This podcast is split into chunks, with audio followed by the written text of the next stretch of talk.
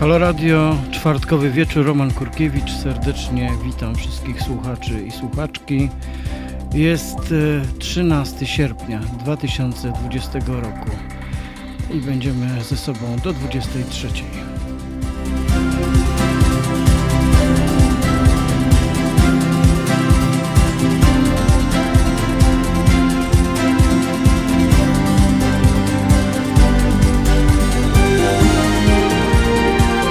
Halo Radio. Roman Kurkiewicz y, ponownie i witam jeszcze raz wszystkich y, bardzo serdecznie w ten czwartkowy, y, piękny, letni wciąż, chociaż właściwie już są znaki jesieni, ale wciąż letni wieczór. Zaczynam tradycyjnie. Mamy tu swoją wolnościową tradycję Tą tradycją jest y, odczytywanie przeze mnie fragmentów powieści, a właściwie książki Eduardo Galeano, Dzieci czasu z kalendarza dziejów ludzkości. Książka w tłumaczeniu pani Katarzyny Okrasko, wydana przez WAB. Na każdy dzień roku Galeano przygotował historię, taką kartkę z kalendarza. Dzisiaj. Yy, krótki tekst pod tytułem Prawo do odwagi. W 1816 roku rząd w Buenos Aires nadał stopień podpułkownika Juanie Azurduy w uznaniu jej męskich czynów. Podczas wojny o niepodległość stanęła na czele bojowników, którzy wyrwali Cerro de Potosi z hiszpańskich rąk. Kobietom zakazano wprawdzie wtrącania się w męskie sprawy wojny, ale dowódcy płci męskiej nie mieli innego wyjścia, jak pochwalić męską odwagę tej kobiety. Po wielu męskich szarżach, kiedy wojna zabiła jej męża i pięcioro z sześciorga dzieci, umarła też Juana. Umarła w nędzy, biedna między biednymi, a jej ciało spoczęło w zbiorowym grobie. Prawie dwa stulecia później rząd Argentyny, na którego czele stała kobieta, Awansował ją do stopnia generała w uznaniu jej kobiecej odwagi. To był Galeano. Jak zwykle e, dość zaskakujący i niezwykły, szczególnie kiedy opowiada nieznaną nam zupełnie historię mm, Ameryki Południowej. E, przed tygodniem e, zupełnie wstępnie umawialiśmy się, ale Galeano jak zawsze, tak, tak, tak, tak, nie ma się co dziwić. Umawialiśmy się, że dzisiaj, że dzisiaj będziemy rozmawiać tak, nie tyle e, wieczór będzie utopijny, co tematem naszych rozmów będą utopie. Szczególnie, że jak się okazało, niektórzy z naszych słuchaczy są. Yy, yy, zawołanymi utopistami, tworzą sami utopie i projekty utopijne. E, także myślę, że dzisiaj możemy e, od tego zacząć. Nie będziemy pewnie opowiadać o historii utopii. Możemy, e, myślałem sobie o tym, żeby ta rozmowa szła oczywiście wielotorowo. Więc z jednej strony chciałbym i chętnie wysłuchałbym Państwa opinii na temat tego, czym w waszym mniemaniu, rozumieniu utopie są i do czego właściwie są nam potrzebne, jeśli w ogóle są jeszcze. E, myślę, że to nie będzie rozmowa historyczna, że nie będziemy rozmawiać e, o utopiach sprzed kilkuset lat albo utopiach świeższych. Chociaż może, nie wiem, nie wiem. To już też trochę zależy od Was. E, chociaż najciekawszy chyba wątek i zapowiedź tego, co się miało dziać, to, to były te utopie, których ślady pojawiły się przed tygodniem. E, I może dzisiaj udałoby się do nich wrócić. I teraz e, do końca nie wiem, jak to jest możliwe. Oczywiście najchętniej byłoby tak, żebyście wy, autorzy tych utopii, którzy w tej rozmowie i przed tygodniem, i dzisiaj uczestniczycie, żebyście po prostu zadzwonili do nas, do Halo Radio. Telefon, przypomnę, 22 390 59 22, to 22 na początku, to kierunkowy do Warszawy. To jest w sumie taki kontakt bezpośredni, prawda? Tak byłoby, tak byłoby, tak byłoby świetnie, gdyby tak się stało. Kapitan, prawda, Stratford obiecywał i że rozsnuje nam szerzej swoją wizję swojego projektu utopijnego. Więc ja bardzo chętnie bym się w to zagłębił, posłuchał, ale być może też jest tak, że że może warto też e, na początek porozmawiać ogólnie o utopii. Prawdę mówiąc, miałem taką niewinną i nieśmiałą nadzieję, że zdążę do tego czasu jeszcze przeczytać, oczywiście dokończyć lekturę książki e, zupełnie niezwykłej, e, którą nawet przytargałem dzisiaj. To jest książka Bronisława Baczko, Światła Utopii, z takiej serii Archiwum Warszawskiej Szkoły Historii Idei. E, w podtytule Źródła. To jest taka cała seria książek wydawana przez Instytut Filozofii i Socjologii Polskiej Akademii Nauk w Warszawie. Ta książka została wydana akurat przed czterema laty. I to jest, e, to jest zapis takiej niezwykłej intelektualnej przygody, którą Polska przeżyła mniej więcej w latach 55-68 Czyli właściwie początek tej historii to jest taka przedpaździernikowy moment, bardzo ważny, bardzo ciekawy, bardzo niedoceniany, bardzo zapomniany, wyrzucony poza, poza nawias naszej refleksji, całkowicie niesłusznie, czyli rok 56 w Polsce. I ta ponad dekada, kiedy powstały dziesiątki niezwykłych książek, zupełnie niezwykłych intelektualnych dokonań, zakończyła się w roku 68 wydarzeniami marcowymi, masowym eksodusem polskich Żydów, w tym też e, dużej grupy polskich naukowców, w tym filozofów, socjologów, e, chociaż nie wszyscy byli e, akurat polskimi Żydami. Ale to wtedy właśnie z Polski wyjechali i Baczko, i Pomian, i Brus, i Kołakowski, i Bauman. No Bauman trochę później. E, Kołakowski też chwilę później, ale gdyby to była taka cezura, która zamykała tę historię. Natomiast zostawili z tej ponad dekady książki niezwykłe. E, często właściwie, kiedy patrzymy na te ostatnie kilkadziesiąt lat, na historię powojenną Polski, wliczając te ostatnie 30 lat, to właściwie żadna dekada intelektualnie z tamtą e, niemal równać się nie może. I cóż, więc y, zobaczymy. Ale tej książki tak nie udało mi się przeczytać, ponieważ musiałem zarabiać na życie, y, ciężko pracując fizycznie. Chociaż y, lektura baczki to jest po prostu sama w sobie rozkosz. Dobra, kapitan, kapitan, kapitanie Stratfordzie, nasz słuchaczu, może jednak byśmy rozwinęli tę opowieść która, która zaczynała się od tego, że właściwie każdemu człowiekowi, każdemu to jest, właściwie samo to słowo już wymaga definicji. Każdemu, czyli któremu? Każdemu w Polsce, każdemu w Unii, każdemu w Unii Europejskiej, każdemu w Schengen, każdemu gdzie? Na całym świecie przypisana byłaby pewna miara, pewna jakby taka stała wartość tego, e, e, e, jak, co może kupić za to, co posiada, prawda? Tak to było mniej więcej. Że to były procentowe, jak to, procentowe koszty utrzymania w zależności od dochodu. Czyli jak ktoś zarabia tam, nie wiem, powiedzmy 2000 złotych, to nie pamiętam tam konkretnych propozycji. To chleb kosztuje, ile tam było? 5 promili z tego? A jak ktoś zarabia 100 tysięcy, to też kosztuje 5 promili. Czyli wszyscy płacą, e, płacą proporcjonalnie do tego, co zarabiają. To jest taka mniej więcej chyba była propozycja. E, więc, e, więc może udałoby się to jakoś rozwinąć.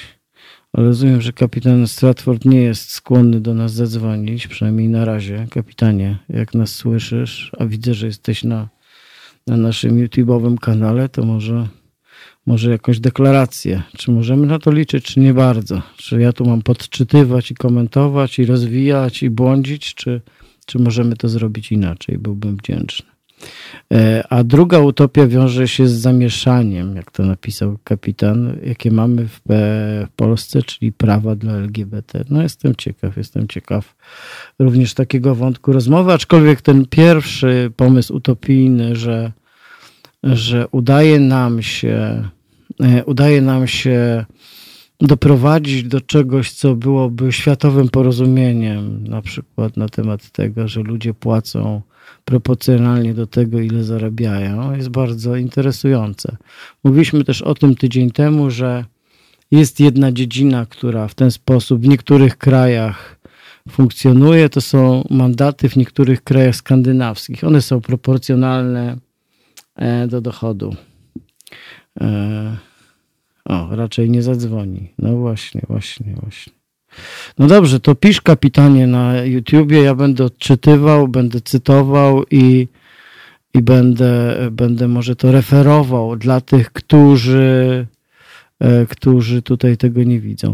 Wracając do tej Szwecji, czy tam nie pamiętam, który to był z krajów skandynawskich, mm, generalnie e, wysokość mandatu jest zależna od rocznych zarobków, tak? Czyli jak ktoś przekracza tam, nie wiem, o, pamiętam legendarną historię o przekroczeniu prędkości o 7 km na godzinę i to koleżkę kosztowało milion dolarów, ponieważ był bardzo bogaty.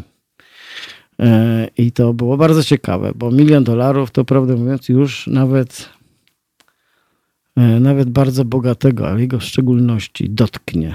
Dotknie. Kapitan z Stratford, który nas w zeszłym tygodniu rozbudził, dzisiaj, e, dzisiaj, e, dzisiaj mówi: dawajcie własne utopie, dawajcie własne. No to dawajcie własne, dawajcie. Dzwońcie albo nie dzwońcie. Poza tym, kapitanie, jeszcze miałeś przedstawić drugą utopię związaną z, jak to napisałeś, z zamieszaniem wokół praw LGBT. Nie, nie mi się nie wydaje, że to jest jakieś zamieszanie, dlatego że. Dlatego że e, sytuacja jest taka, że po prostu prawa osób LGBT de facto są zapisane w polskiej konstytucji. Nie są natomiast respektowane oraz trwa pewna kontrkulturowa kontrrewolucja, która sprawia konserwatywno-katolicka, prawicowa, rządowa, która próbuje e, dokonać zresztą czegoś podobnego powiedziałbym do tego, co się, co się działo w 1968 roku, czyli znaleźć jakąś grupę ludzi, próbując ją dookreślić, stygmatyzować e, i obarczyć odpowiedzialnością za różne przedziwne, przedziwne rzeczy. Okej, okay. ja, e, kapitan, kapitan napisał, że miał ciężki tydzień i żeby mu wybaczyć, to ja mu wybaczam. Ja mu wybaczam, nie wiem jak pójdzie rozmowa utopii. W tej trudnej sytuacji tradycyjnie wysłuchamy fragmentu muzycznego. E, będzie dla Państwa teraz się prezentował zespół Fateless i za chwilę wracamy do naszej rozmowy. Mamy nadzieję, że, że wśród utopistów będą też ludzie, którzy realnie będą gotowi po prostu zabrać głos. Słuchajcie, powtórki programu.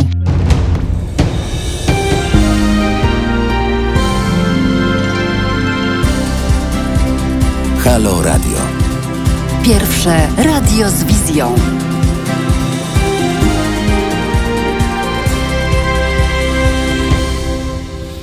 Halo Radio, czwartkowy wieczór, Roman Korkiewicz. E, witam e, ponownie tych, którzy do nas dołączyli do, mm, dotarli, nie wiem, e, są z nami. E, krążymy wokół tematu utopii. E, I, I, tak sobie pomyślałem, że może tak po akademicku trochę, ale przeczytam Państwu fragment tej książki, o której tutaj mówiłem, czyli fragment wstępu E, e, Bronisława Baczki, chociaż e, mamy telefon, tak? Mamy gościa.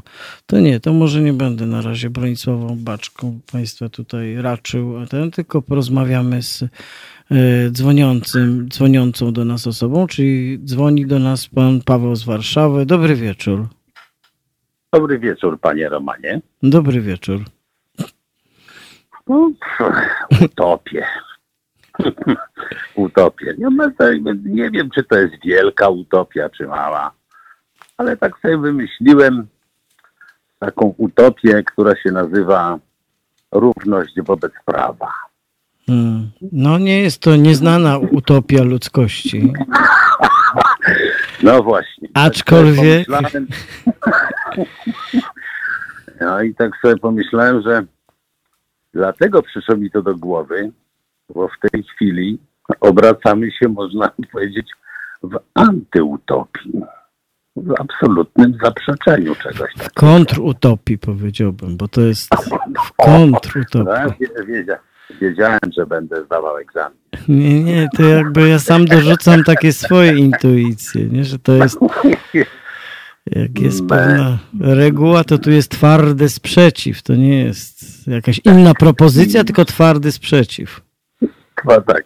I e, pomyślałem sobie, że no, e, hiperutopią byłoby się domagać e, równości wobec prawa na całym obszarze, który przychodzi nam do głowy. No ale no pomyślmy sobie o, takich, o takiej utopii w Polsce chociaż. No. Czy dałoby się to zrobić, żeby, no już jeżeli nie osiągnąć ideału, no to żeby chociaż już widzieć czubek góry, no. Czubek tej utopii, kiedy już się tam zbliżymy, tak już, już, już, już jak przekroczyłeś prędkość, to nie ma znaczenia.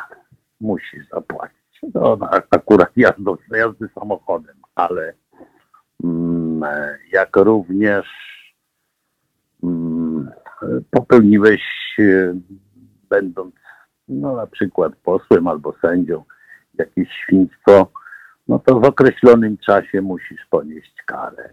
Tak, żeby to, bo w tej chwili to mam wrażenie, że procedury, że mm, takie rozmydlanie, e, no nie, nie mówiąc o tym, że jednak stan finansów decyduje o tym, czy będziesz odpowiadał w jakim czasie i kiedy. To jest taka moja utopia, mm, żeby jakoś tak dopiąć to, no, wymyślić takie mechanizmy, które by to, by, by, by miały to wdrażać. Mhm. To mnie bardzo uwiera. Tak, nawet sam nie mam koncepcji. Mhm.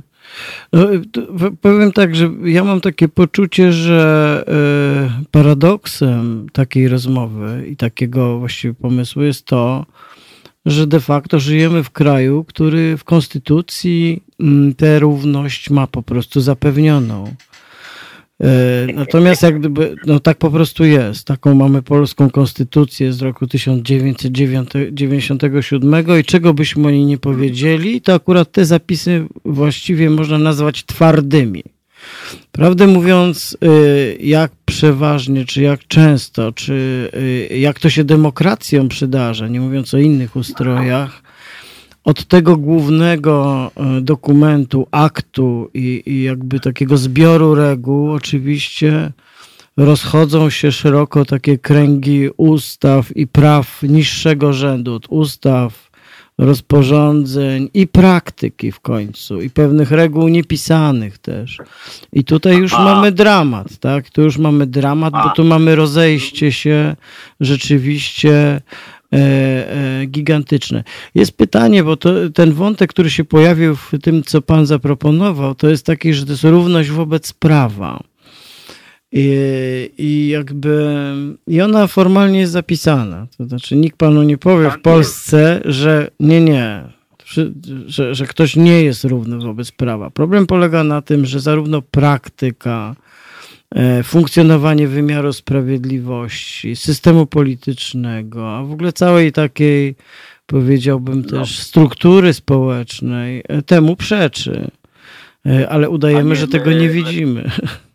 Panie Romku, no właśnie chodziło mi o, o, o coś takiego. Pewnie to nawet nie wiem, czy to dobrze wyjaśnię, ale chodziło mi o to, żeby ta ogromna ilość gwiazdek, która jest zawsze niepotrzebne skreślić albo niepotrzebne dodać, żeby ogromną ilość tych gwiazdek takich, które się pojawiają właśnie w całej tej otoczce e, wykonawczej prawa, całej tej, tych procedurach, żeby jak największą ilość ich usunąć, bo to to jest y, taka katastrofa, jak pan mówi. Ja się naprawdę nic dodać, nic ująć, bo y, grzęźniemy w takich kwestiach proceduralnych, mając jasno powiedziane, że wobec prawa jesteśmy równi. A potem te gwiazdki, te takie pododawane punkciki, dokładnie wszystko odwracają. E, no tak, tak, e, ale może sobie też warto uświadomić e, kilka takich, powiedziałbym, filarów tej historii. Tak naprawdę pomysł tego, że ludzie są wszyscy równi, chociaż teoretycznie możemy odnaleźć jego ślady w dawnych czasach, w niektórych przekonaniach, pomysłach, dokumentach, tekstach, tak naprawdę realnie jest pomysłem dość świeżym, czyli ma e, tak naprawdę e, trochę ponad 200 e, lat. Bo tak naprawdę to są hasła rewolucji francuskiej, które to nazwały i powszechna i deklaracja praw człowieka i obywatela wówczas, która się pojawiła, ona to formułowała, a tak naprawdę w, w takim znaczeniu globalnym mówimy o przestrzeni czasowej jeszcze mniej odległej, bo to jest de facto powszechna deklaracja praw człowieka i obywatela Organizacją Narodów Zjednoczonych, która jest po prostu z lat 40., tak, z drugiej połowy lat 40., 48 roku. I e, paradoks polega na tym, prowadziłem e, chyba ze dwa lata temu jakieś takie warsztaty e, w, organizowane przez jakąś fundację przyjaciół w Częstochowie i to były takie warsztaty, które właśnie wokół, wokół e, tego dokumentu krążyły, wokół powszechnej deklaracji praw człowieka i obywatela. I w tych warsztatach e, to było ciekawe, to było w Częstochowie. Uczestniczyły bardzo różne osoby w olbrzymim przedziale wiekowym, bo tam byli byli też e, byli studenci, byli chyba jacyś uczniowie szkoły średniej, e, były osoby, że tak powiem, w sile wieku i były też osoby, które moglibyśmy nazwać dzisiaj seniorami. I najbardziej dla mnie wstrząsającym było to, że właściwie dla nich wszystkich ten dokument był nowością. To był dokument, którego oni nie znali. To był dokument, którego nigdy nie czytali. To był tekst, e, o którym właściwie nie słyszeli. To był tekst, który w żaden. No naprawdę. To był tekst, który w żaden sposób, a to byli ludzie zaangażowani społecznie. To był tekst, którym oni nigdzie na żadnym etapie edukacji ani innej, nie wiem, aktywności się nie spotkali.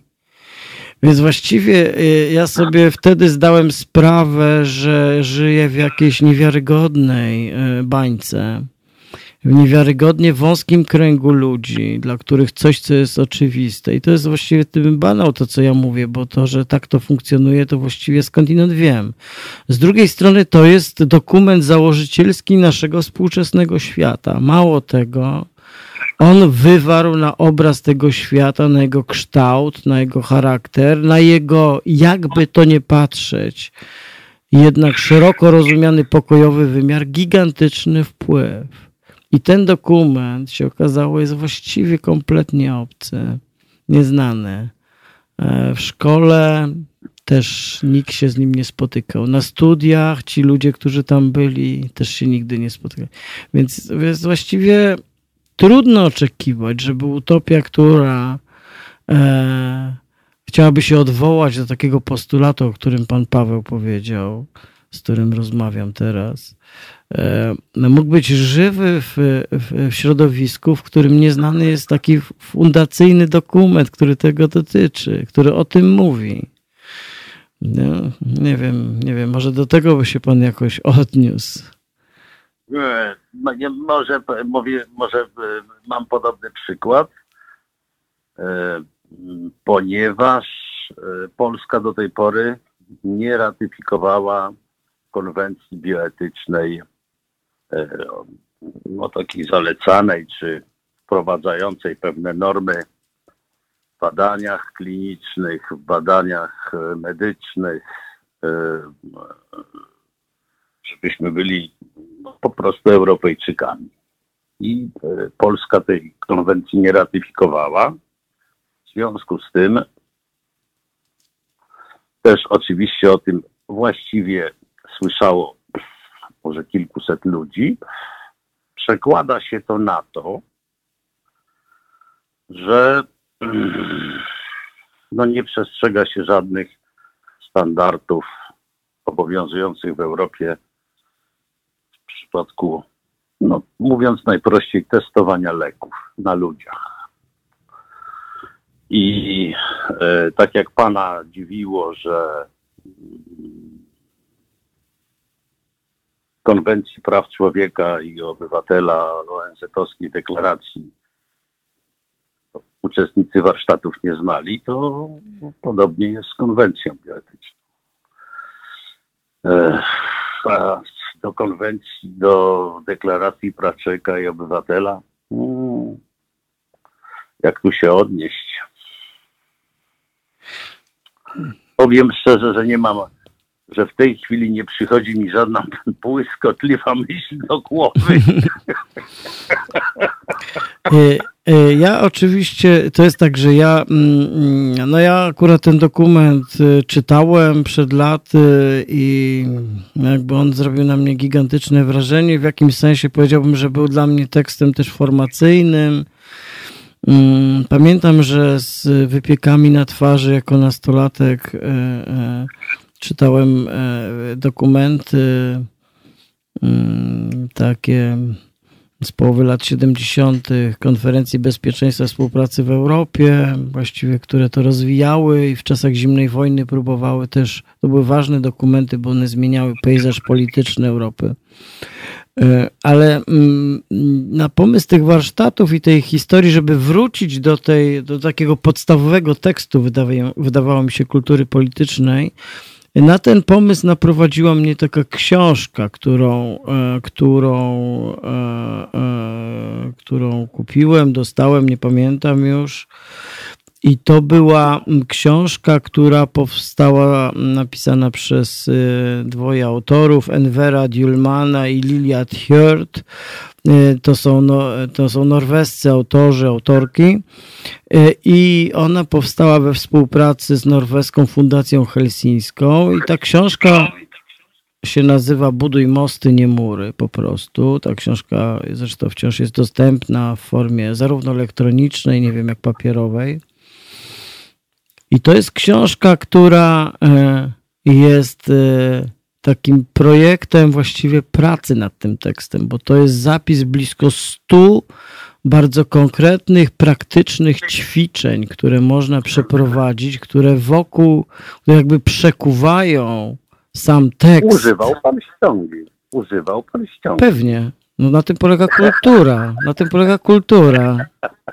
Na tym polega kultura, że z niej korzystamy, że czytamy, inspirujemy się, wprowadzamy w życie. Ta książka, e, ta książka była inspiracją, też była zapisem bardzo konkretnych, świetnych e, pomysłów na to, jak e, te ogólne zapisy, czyli właśnie też można powiedzieć, jak, jak to była książka, która trochę opowiada, jak wprowadzać w życie taką utopię. Wprowadzać w życie opowieścią, edukacją, poszerzaniem wyobraźni, budowaniem jakiejś świadomości i robieniem tego w sposób nieinwazyjny. E, I to jest i nie, nieprzymusowy, tak? Mm, I, I, to jest właściwie coś takiego, że te ćwiczenia były tak zbudowane, cały ten pakiet, chociaż one były bardzo różnorodne, że, że właściwie osoby, które brały udział w, takim, w, takich, w takiej zabawie, same dochodziły do tych wniosków i uczyły się, jak to robić. To jest y, książka, którą naprawdę nie, bardzo polecam, bo to jest książka, która y, pozwala pracować y, nad pomysłami. Być może kiedyś zrobię taki program z tą książką albo z taką zabawą, z ćwiczeniami z tej książki. Bo na tym też to polega, tak jak mówiliśmy wcześniej ogólnikowo o tym, że tu mamy konstytucję, a potem ustawę da, da, da, i to się wszystko rozmywa, to tutaj oglądamy proces, który idzie w inną stronę. Mamy dokument bardzo ważny, zapomniany, właściwie dzisiaj traktowany jak, nie wiem, jakiś zabytek po prostu historyczny i zabytek UNESCO albo, nie wiem, ONZ-u, ale to jest żywy dokument. Trochę tak, ale to jest w tej, konstytucję. tak, ale w tej książce jest to, to jest żywy dokument, który jest przekuwany na, na budowę relacji między ludźmi, na to, e, jak się rozmawia, jak się traktuje wartości, jak się nie dostrzega wielu e, kwestii, które nam umykają z racji naszej pozycji, przywilejów, pozycji kapitału kulturowego i tak dalej, i tak dalej. Koloru skóry, spraw majątkowych. To jest jakby y, każdy z nas, y, jak nie pogrzebie sobie mocno w sobie, no to uważa, że jego świat właściwie jest tym światem prawdziwym, prawda?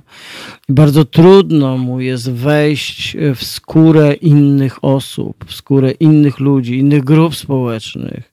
Mało tego, że albo mu nieznanych, albo wrogich lub obcych. A to jest jakaś podstawa takiej rozmowy o równości też, tak? Szczególnie taka rozmowa wydaje mi się cenna e, w takim czasie, który my przeżywamy w Polsce teraz, czyli w takim czasie, e, e, powiedziałbym, radykalnego konfliktu politycznego, tak? gigantycznej polaryzacji, rosnącej agresji bardzo realnej. I, Bardzo. i, i, i, i, wtedy, I wtedy wydaje mi się, że takie ćwiczenia są ważne. Problem polega na tym, że to właściwie powinien być obowiązek szkoły. To powinna być szkoły bardzo szeroko rozumianej edukacji. No ale, ale to jest trochę bicie głową Teraz- w mur, bo dzisiaj polska Teraz szkoła. dotknął pan kolejnej utopii. No tak, tak. Teraz dot- dotknął pan kolejnej utopii, czyli y, y, no, czyli e, dobrej szkoły w Polsce. Hmm. No cóż, yy, panie Pawle, nie wiem, no, bo- bądźmy przy tej równości, bo yy, zresztą to, to, akurat ja się bardzo cieszę, że pan zadzwonił z tym pomysłem i z tym słowem właściwie, bo szczerze mówiąc, ono mi się wydaje absolutnie kluczowe. Kluczowe, znaczy słowo równość yy, jest słowem zupełnie podstawowym. Yy, Ale dobra szkoła w Polsce mogłaby być taką cegiełką do budowania tej takiej no utopii, tej większej, nie? Żeby to kilka mniejszych dało większą. Nie wiem, czy to się, nie wiem, czy to się, nie wiem, czy to się tak kumuluje. Czy No to się tak składa. Utopię do, utopia do utopii da lepszą utopię albo większą. Dobrze. Dobrze, wyłączę się. Panie Wyłączę się, niech dzwoni następny. tak jest. Dobre, do usłyszenia. Bardzo dziękuję za telefon. Yy, Rozmawialiśmy z panem Pawłem z Warszawy. To jest czwartkowy wieczór w Halo Radio, który rozpoczęliśmy e, trochę utopijną próbą e, rozmowy o utopiach i o utopii i o utopijnych pomysłach, ale dobiliśmy się do twardego jądra, czyli do takiej wartości, jaką jest równość, w tym równość wobec prawa. E, Teraz, e, co to będzie? Don't speak. E, No doubt dla Państwa i za chwilę wracamy do naszej haloradiowej rozmowy i pewnie będą wtedy ogłoszenia duszpasterskie. To jest powtórka programu. Halo Radio.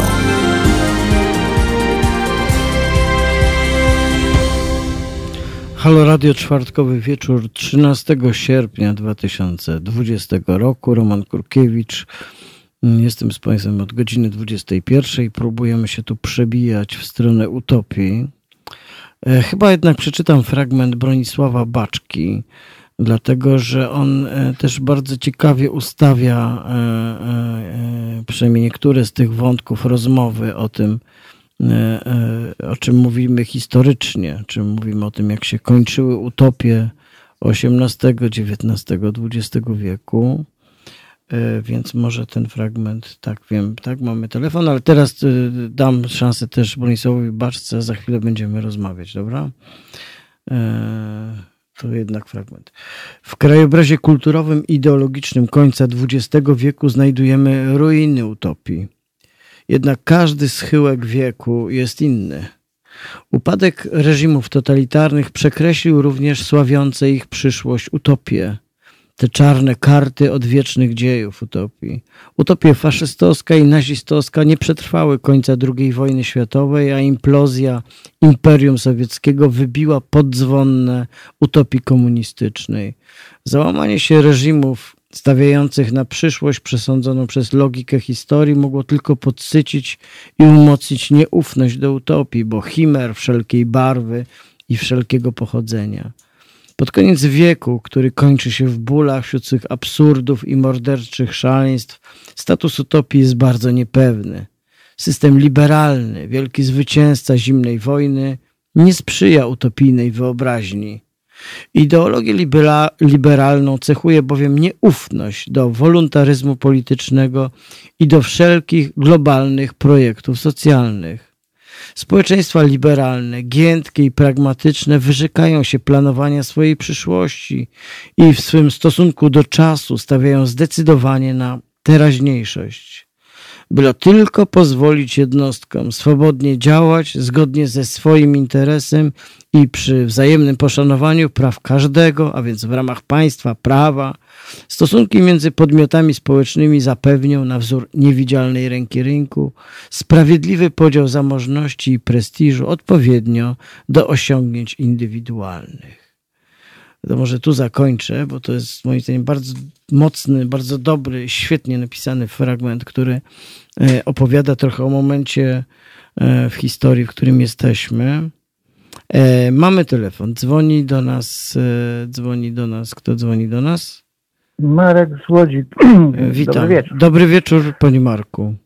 Może y, tak tu przedstawię. Moja utopia jest no, taka utopijna. Mm, jakby, to nie, jakby to nie było. Od y, stuleci mamy taki problem, który nas dotyczy, mianowicie nie umiemy się samorządzić. U nas e, decyduje takie hasło damy radę albo jakoś to będzie i tak się wlecze przez te wieki. Jak mamy już tę wolność, o którą tak e, bardzo zabiegamy na której tak krzyczymy głośno, no to widać teraz obecnie, że ona nam nie, nie bardzo jest do czegoś potrzebna. I pomyślałem sobie, żeby stać się kolejnym landem niemieckim. U Rosjan już praktykowaliśmy, co prawda do, dobrowolnie to to nie było, ale pod przymusem, ale jakbyśmy tak się przyłączyli do Niemiec, to tak, byłoby nas 120 milionów. Rządzilibyśmy tą Europą, nasze prawo byłoby sensownie zbudowane, nie tak jak teraz. Do tego politycy czy rządzący nie planowaliby przyszłości czegokolwiek i kogokolwiek na 4 lata, tylko może na 15 Kościół by sobie poczłapał do swojego konta tam, gdzie być powinien, a tak teraz y, siedzi tutaj, gdzie, gdzie go nie bardzo można go tam y, tolerować. No i y, bylibyśmy być może obywatelami drugiej kategorii, ale i tak stale jesteśmy, to co nam to szkodzi przecież. Hmm. No myślę, że nasz dobrostan by się jakoś y, poprawił znacznie, a ponadto nasze stosunki z Rosją, które bez przerwy nam przeszkadza jak kamień w bucie, byłyby zupełnie inne. No, wymagałoby to tylko nauczenia tam 38 milionów szprechania po niemiecku, co nie jest znowu jakieś nieosiągalne. To tyle ja. Dziękuję bardzo za ten pomysł. E, Dobra. Ja właściwie nie wiem, czy on jest utopijny, bo właściwie on jest, e, to jest w ogóle opis, e, czy właściwie pewien projekt polityczny, który, który, który zresztą pojawia się w, w, takich mm, ocenach publicystycznych, politycznych. On mówi o tym, że ponieważ jakby ten projekt się wyczerpał, no to jak to w polskiej historii, nie udało się, była szansa, ale znowu niestety nie i właściwie, że jest czas na rozbiory, bo jest pytanie, czy to jest inny projekt. No to właściwie jest projekt, który znamy pod nazwą rozbiory. Do rozbiorów doprowadził pewien taki konglomerat zlepek najróżniejszych przywar polskich, zachowań egoistycznych polskiej arystokracji i innych tam naszych tutaj wielmożów i intelektualnej niemocy i też politycznej niemocy. I stąd Stąd, stąd można powiedzieć, że, że, że niektórzy patrząc na dzisiejszą epokę mówią, dzisiaj jest to samo, to już jest czas, żeby, to jakby pański projekt, czy projekt pana Marka, który tutaj został przedstawiony, właściwie jest, jest czymś takim, prawda? Tylko, że wybieramy teraz nie trzech zaborców, ale jednego. Jakiego? Najbogatszego, najsilniejszego, gdzie będziemy najsłabsi. Ja bym e, zawsze w takiej sytuacji zadaję sobie, w takiej i w innej jeszcze, kiedy też mówimy na przykład o zagrożeniu Ros przez Rosję. Polska jest zagrożona przez Rosję, tak? To jest. Właściwie wtedy zadaję sobie takie pytanie, a jaki interes miałaby Rosja, żeby na przykład Polskę zajmować albo atakować, przejmować? I tak samo zapytam się, a jaki mieliby interes Niemcy?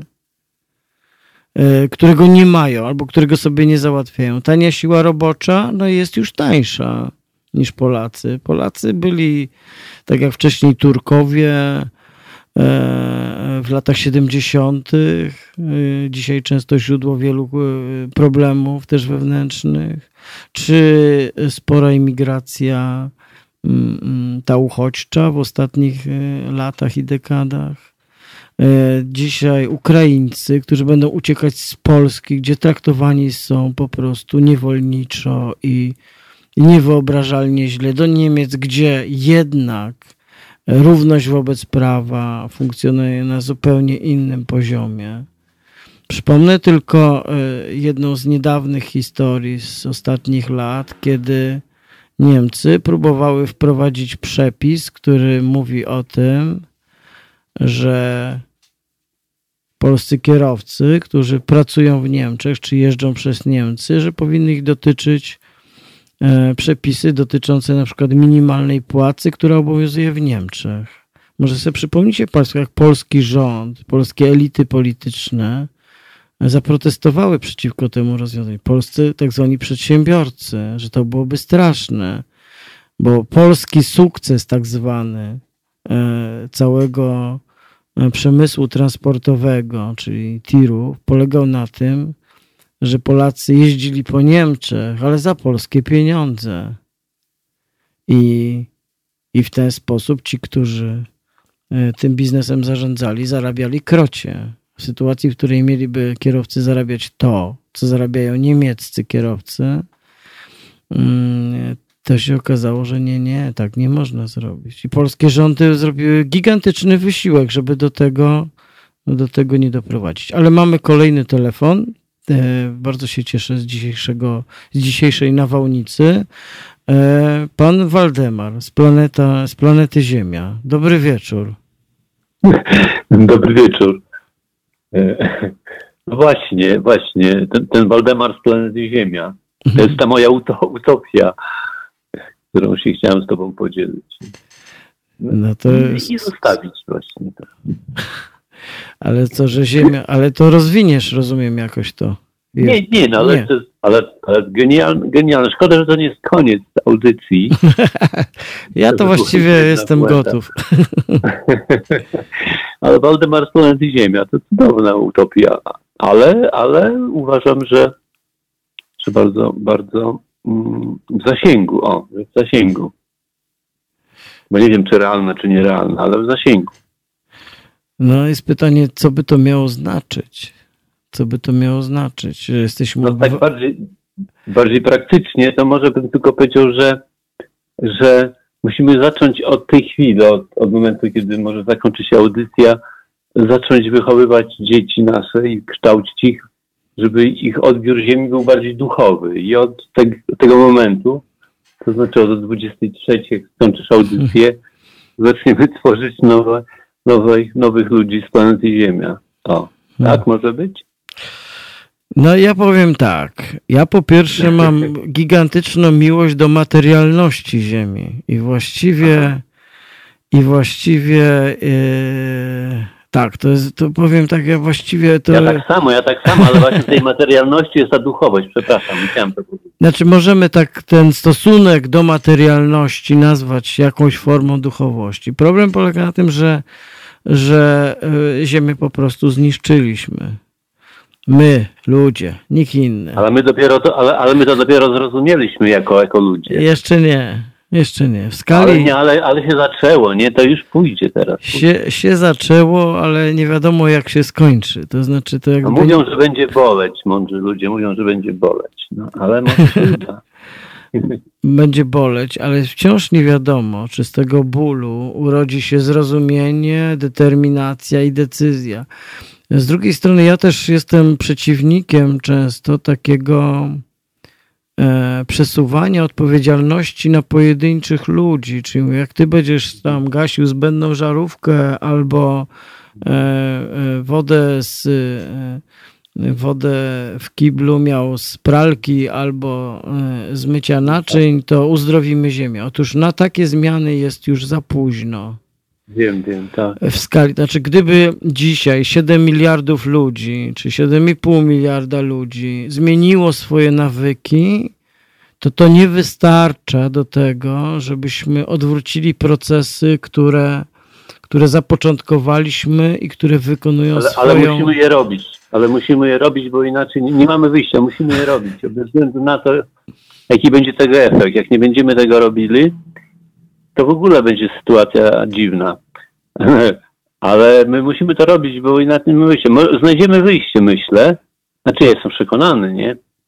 Ale Wystarczy, scenariusze, Że, że, jedna, że, że, że 50% nas nie będzie i już ziemia odechnie. scenariusze wyjścia są właściwie zapisane, ale są Mhm. one, e, powiedziałbym, Realne. nie do zaakceptowania w skali globu i w też w skali takiej decyzyjności, która jest rozproszona i paradoksalnie równocześnie bardzo skoncentrowana. To znaczy de facto ludzie, którzy mają wpływ na to, jak odbywają się te gigantyczne procesy, to jest niewielka grupa ludzi, ale między nimi to oni nie są aż tak bardzo schierarchizowani. I nie ma jednego adresata takiego apelu. Tych adresatów są setki, tysiące, i przez to, przez to jest nam bardzo trudno. A cały czas trwa proces zniszczenia. Cały, ca, cały czas, jak gdyby naszą, naszą planetę, naszą utopię, właściwie naszą re, realną, naszą realność po prostu e, rozwalamy. Rozwalamy. Co nie zmienia Ale- faktu, że ja jestem za tym, żeby i tak próbuję w życiu robić też, tak, żeby. Gdybym, gdybyś, tego tak, gdybyś tego nie robił, to bym nie zadzwonił przecież. w ogóle. No, e, moje dzieci właśnie spędziły, spędziły e, ostatni czas e, w miejscu, w którym była tylko woda, która wypływa z ziemi, nie było prądu. E, Trzeba było sobie z tym jakoś poradzić. Ch- Ich kolega starszy wędrował po e, od Bieszczadów po Beskidy Sądeckie i inne z grupami ludzi. Co chwilę mu się wykruszali ludzie, bo oni mówili, myśleliśmy, że to będzie inaczej, że będzie ciepła woda i będziemy mieli e, pokoje dwuosobowe i że będzie Wi-Fi. Tak. No A tak. tu był deszcz, tu były namioty, tu trzeba było rozpalić ognisko. Jak się nie ugotowało wody, żeby e, w niej e, e, zrobić coś z ziemniaków, Nie, oni czy rzeczy, załapią, które, nie. które sami przynieśli, to po prostu byli głodni i to było nie do zaakceptowania. E, Więc to jest trudne. Oni już się na to nie załapią, to, to wiadome. Oni nawet nie tęsknią za taką, powiedzmy, jakimś tam ogniem takim z, z drewna, z płonącego drewna. Nie, oni już tego nie chcą, no w ogóle tego nie rozumieją. Ja podejrzewam, że to taki relikt, który dla nas jest jakąś jeszcze wartością. E, I, i, i, ale myślę, że taka normalne, no, normalne. W ogóle wszyscy dzisiaj ogniska paliły, pomysł to by było. No. Jakby tak rzucić w ogrodach za ogniska pod Warszawą. Nie, to jakby mówię o czymś innym, o oderwaniu Ja się wiem. na chwilę nawet od tego modelu życia, w którym jesteśmy. To zresztą Baczko dalej kawałek pisze o tym, że takim dzieckiem tego liberalizmu, tego myślenia antyutopijnego jest taka skrajna konsumpcja. To jest dokładnie opowieść o tym. E, To jest ciężko zatrzymać po prostu. To jest coś, czego nie chcemy się wyrzec, nawet jeśli ceną jest y, śmierć planety i nasza własna, bo to jest w jakimś sensie niewyobrażalne. No ale jeżeli tego nie zrozumiemy, to przecież y, będzie znaczyło, że, że, że nie powinniśmy tutaj być. No. No generalnie to nie jest pozbawiony sensu wniosek. Tak, tak. Tak, nie, nie, z całą, z całą powagą. No, jeżeli nie zrozumiemy tego, to będzie znaczyło, że nie zasługujemy na, na to, bo niszczymy to, co daje nam życie. No, To będzie znaczyło, że jesteśmy po prostu ultraszkodnikami, a bez nas ta ziemia i przyroda świetnie sobie poradzi, jak nie trudno sobie wyobrazić. no jesteśmy szkodnikami i jesteśmy najgorszym rodzajem drapieżnika, jakiego wydała ta planeta. No inteligentny przy tym jeszcze, to, to jest dopiero broń straszna. No to jest to przekleństwo, bo się okazało, że na co nam ta inteligencja, jeśli, Tak, tak. jeśli teoretycznie e, aha, e, aha. potrafimy pomyśleć i wyrazić tak Wytłumaczyć wiele, sobie, dlaczego to robimy. a nie jesteśmy w stanie zrozumieć podstawowych, głównych procesów, które prowadzą do, Mhm. naszego, do naszej samozagłady. Więc może ta, tak. może ta teza o naszej inteligencji, jak to się mówi, jest przereklamowana. Czyli teoretycznie ją Utopia. mamy, a praktycznie po prostu sobie z tym nie poradziliśmy. Jest to kolejna utopia, ta inteligencja. Może tak. Dziękuję Ci Dziękuję. bardzo za telefon. Dziękuję. E, e, to, był, to był Waldemar z planety Ziemia i Nie, teraz... Z e, planety Puszcza Borecka w ogóle. A, to w ogóle jeszcze piękniej, cudownie. No tak. Zazdroszczę. Na razie. Minęła godzina 22 w Halo Radio. Teraz będzie Alfa Will śpiewał dla Państwa, a potem właściwie zrobię niespodziankę, bo będę e, tu w studiu już nie sam, będzie ze mną rozmówczyni, e, która już bywała w moim programie, Klementyna Suchanow. No i będziemy pewnie rozmawiać trochę inaczej, ale może utopii też się uda. A teraz muzyka i za chwilę Halo Radio w tej ostatniej wieczornej godzinie, w czwartkowym, w czwartkową noc, wieczoronoc mm, będzie trwało dalej. Słuchajcie powtórki programu.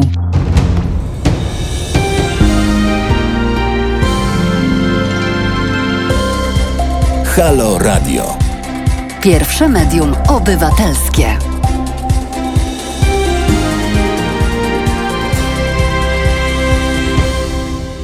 Halo Radio, czwartkowy wieczór, 13 sierpnia 2020 roku. E, Ostatnia godzina naszego spotkania dzisiaj z Państwem, bo jutro od rana, od siódmej Halo Radio nadaje.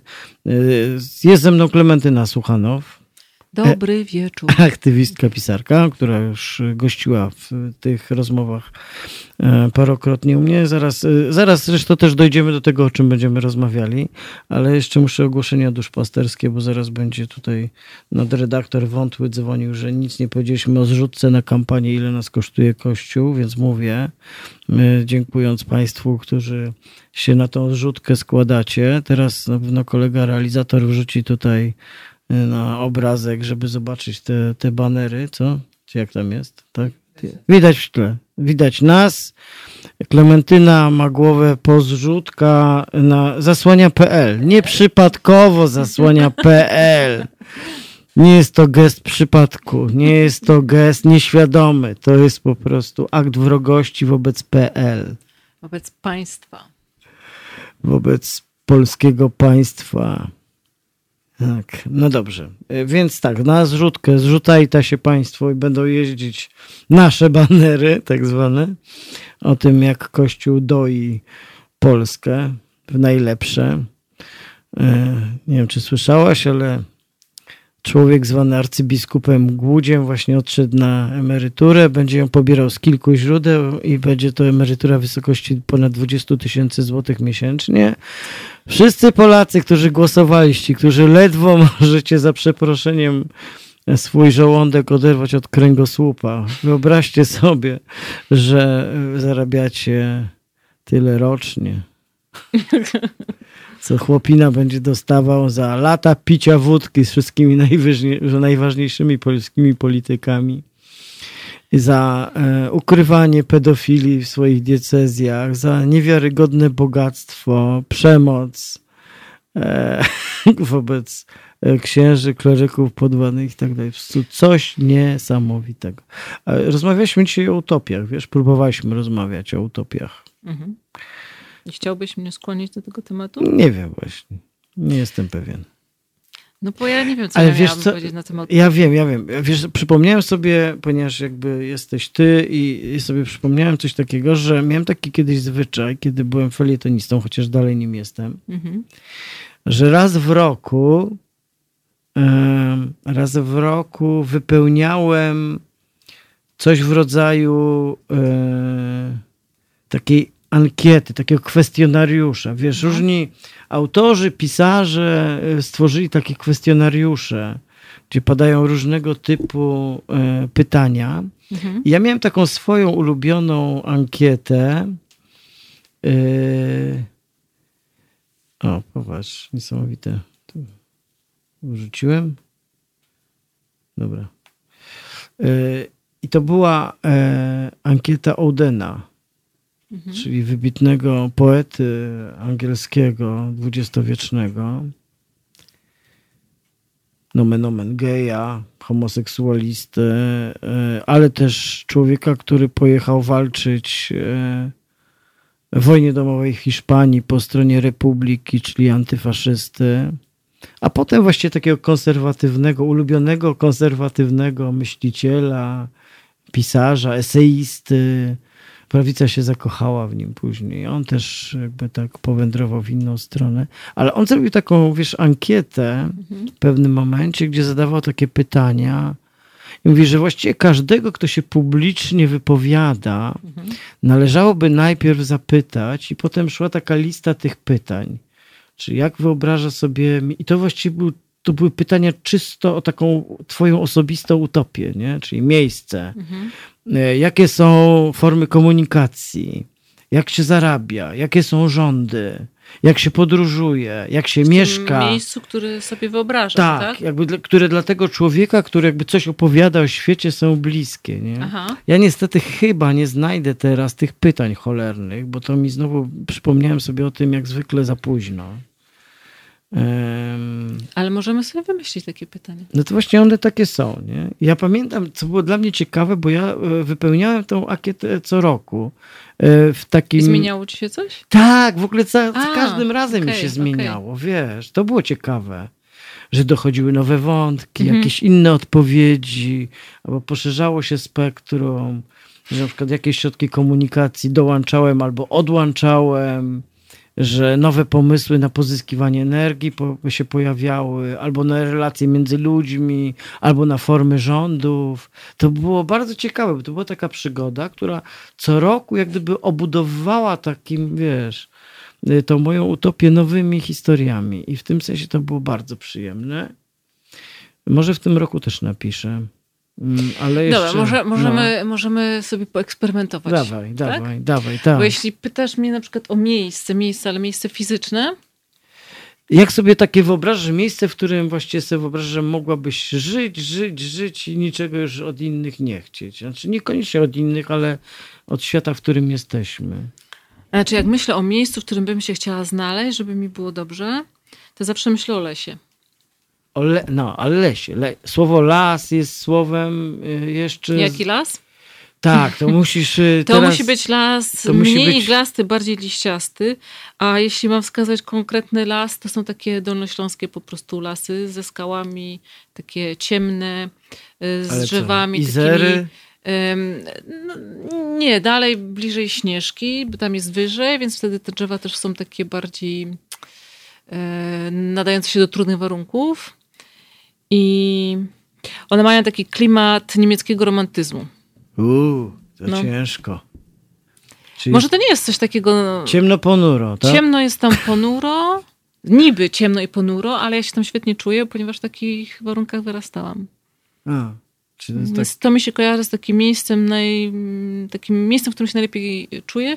I zawsze jak myślę o miejscu, w którym się najlepiej czuję, się najlepiej czuję w lesie. A ponieważ mieszkam w miastach i moje życie jest związane z miastami, to najfajniejsze byłoby, gdyby to było takie miasto-las. Miasto las. Tak, takie miasto, że wszystko to, co jest, normalnie jest, ale jest strasznie dużo drzew i jesteśmy jakby w bardzo takiej e, dzikiej przestrzeni. Jak najmniej asfaltu, jak najwięcej jakichś różnych e, form zieleni.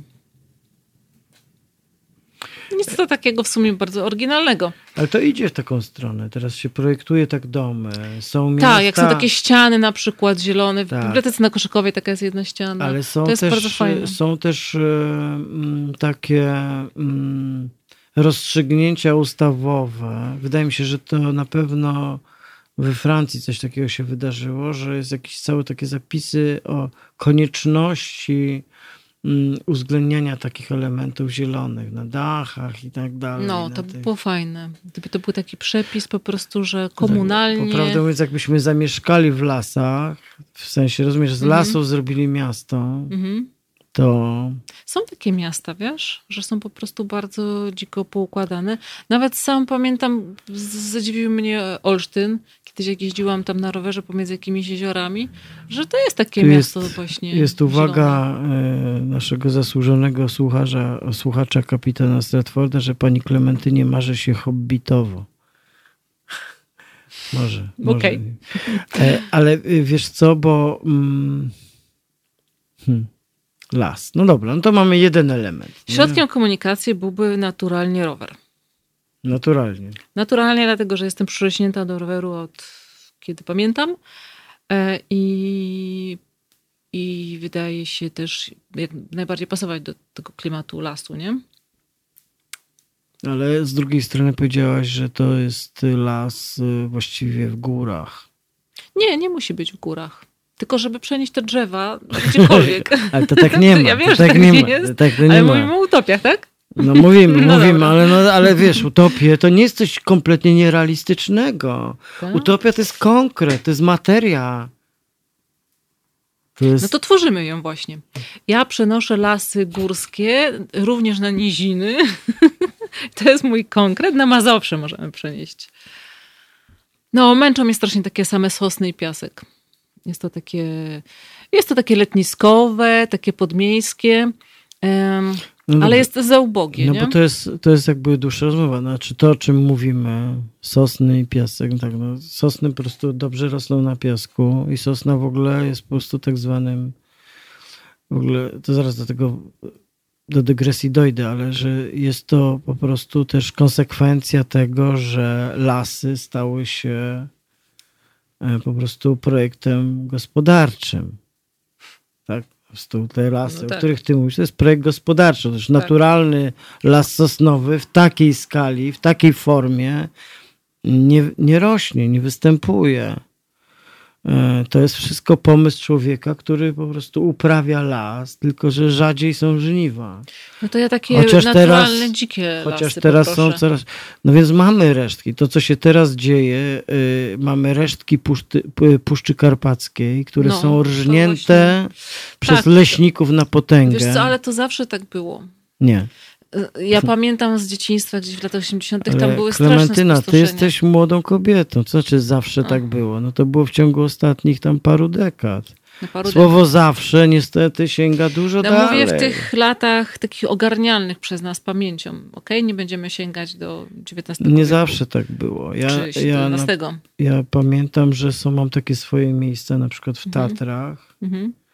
I jak przez jakiś czas, przez jakiś czas tam nie chodziłem, to nie byłem w stanie rozpoznać drogi, które znałem na pamięć. Mhm. Ponieważ nagle po pierwszy raz po kilkudziesięciu latach, gdzie nigdy nie wkraczali żadni, za przeproszeniem, pilarze, ale to nie pilarze są winni, tylko ci, co pilarze ślą. Nagle te miejsca były czymś zupełnie innym. Nagle całe się pojawiają łachy. Cały ten system wycinania do spodu po prostu całych hektarów lasu, sadzenia ich na nowo według projektu. Równocześnie to są wszystko ludzie, którzy są przeciwko gospodarce plano- planowej. Ale pod warunkiem, że nie dotyczy to lasu, bo jeśli chodzi o las, to tylko gospodarka Dobra, planowa. ale oddaliliśmy się, bo u mnie Tak. w moich lasach tak nie będzie. Nie będzie, Nie. dobra. No dobrze, ale wiesz, ile się czeka na taki las, o którym mówisz? Nie mogę tak. Przenieśmy go. No ale nie powiedziałeś, że mam mówić o rzeczach tylko i wyłącznie realnych. Nie było nas, był las. Nie będzie nas, będzie las, albo nie będzie. Właśnie tego nie wiemy. Las. No okej, dobra, to mamy las, mamy, Mamy rower. las, mamy rower. No a potem jest kwestia, co tam robić, nie? Jest E. właśnie, właśnie, czy musimy coś robić? No ja tak mam, że ja muszę. Może to jest natręctwo. No Ja na przykład bardzo nie, lubię... Nie, ja lubię robić. Lubisz robić. Lubię robić rzeczy, jestem ruchliwą osobą. E, męczy mnie nic nie robienie. To znaczy, im starsza jestem, tym bardziej to doceniam i, i stosuję. Mm, Więc moim takim zwyczajem jest znikanie na 3-4 tygodnie wakacji, żeby takim długim ciągiem właśnie robić, ale inne rzeczy, na przykład iść na rowerze albo pływać. Ale mm, ja z natury jestem tak zwana robotna kobita i napierdalam ciągle. Jak nie jedno, to drugie. A jak mi. Tylko, że najbardziej lubię takie systemy, gdzie nikt mi nic nie każe, ja sobie wymyślam rzeczy sama i wtedy jestem najbardziej, wiesz, e, skuteczna i efektywna. Więc musi to być rzecz, którą ja sobie kieruję. Znaczy, ktoś może mieć pomysł, ktoś może coś jakby mi zlecić, ale że ja sobie na własnych warunkach Wiesz, ja chciałem, po, własnym trybem to chciałem robię. popchnąć akurat ten wątek tej rozmowy w stronę mojej e, coraz bardziej jawnej niechęci do czegoś, co nazywamy pracą, w tym pracą zarobkową, No zarobkowa to jest której, fajny temat. której no. jestem po prostu radykalnym wrogiem. Tej, tej, No. tej, takiej, takiej, takiego słynnego powiedzenia, no, pracować przecież trzeba.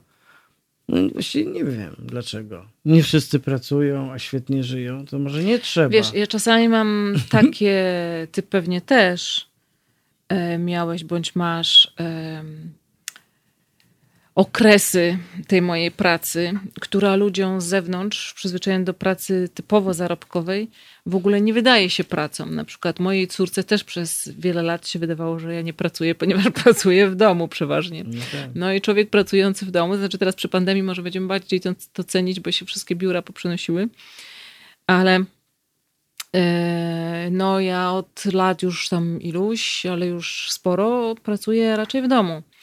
I to czasami no, na czym polega? Polega na tym, że siedzę przez cały dzień nad jakimś jednym tekstem, tak? I coś tam rozkminiam. Że muszę przeczytać kilka książek, żeby zrozumieć jakąś rzecz, zanim zacznę efektywnie siedzieć i na przykład coś robić z siebie, tak? Także to jest taka praca, która osobie zewnętrznej, oglądającej mnie, obserwującej na przykład przez okno, będzie się wydawała nic nie robieniem. Bo to się nazywa praca umysłowa, a No albo nie idę, widać. tak, albo jadę na rowerze właśnie, bądź jestem na siłowni, ale tak naprawdę to w głowie odbywają mi się jakieś operacje związane z tą pracą. I one są bardzo dobre. Właśnie ten, ta przerwa taka, taka w, takiej fizycznej rzeczy, ja sobie zawsze znajduję czas, żeby mieć, mieć coś takiego. Pozwala mi właśnie jakoś zresetować, wyczyścić i wejść na takie jakieś ym, fazy e, bardzo kreatywne.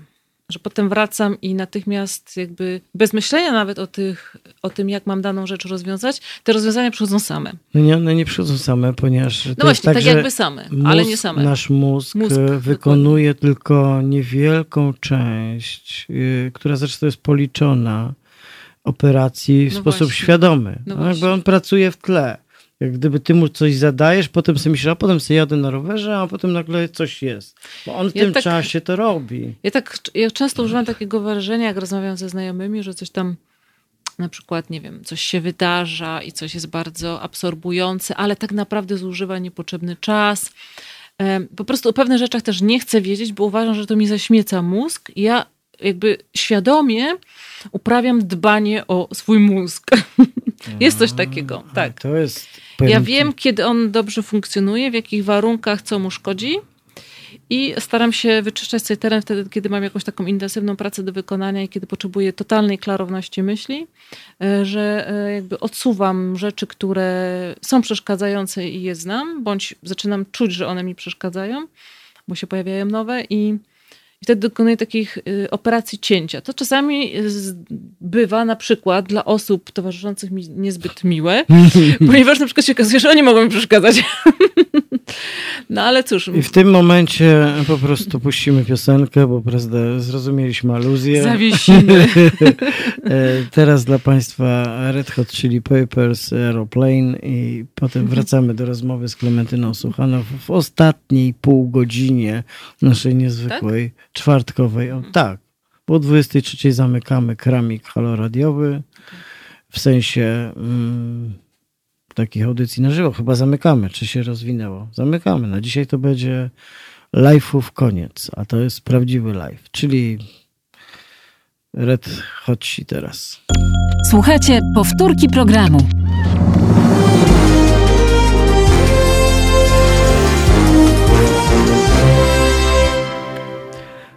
Halo Radio, czwartkowy wieczór, konkretnie 13 sierpnia 2020 roku. Roman Kurkiewicz. E, W studiu ze mną jest Klementyna Suchanow, ale teraz doczytuję Eduardo Galeano, ten dzisiejszy fragment, bo jest o bohaterce z Argentyny, z Buenos Aires, a właściwie Argentyna.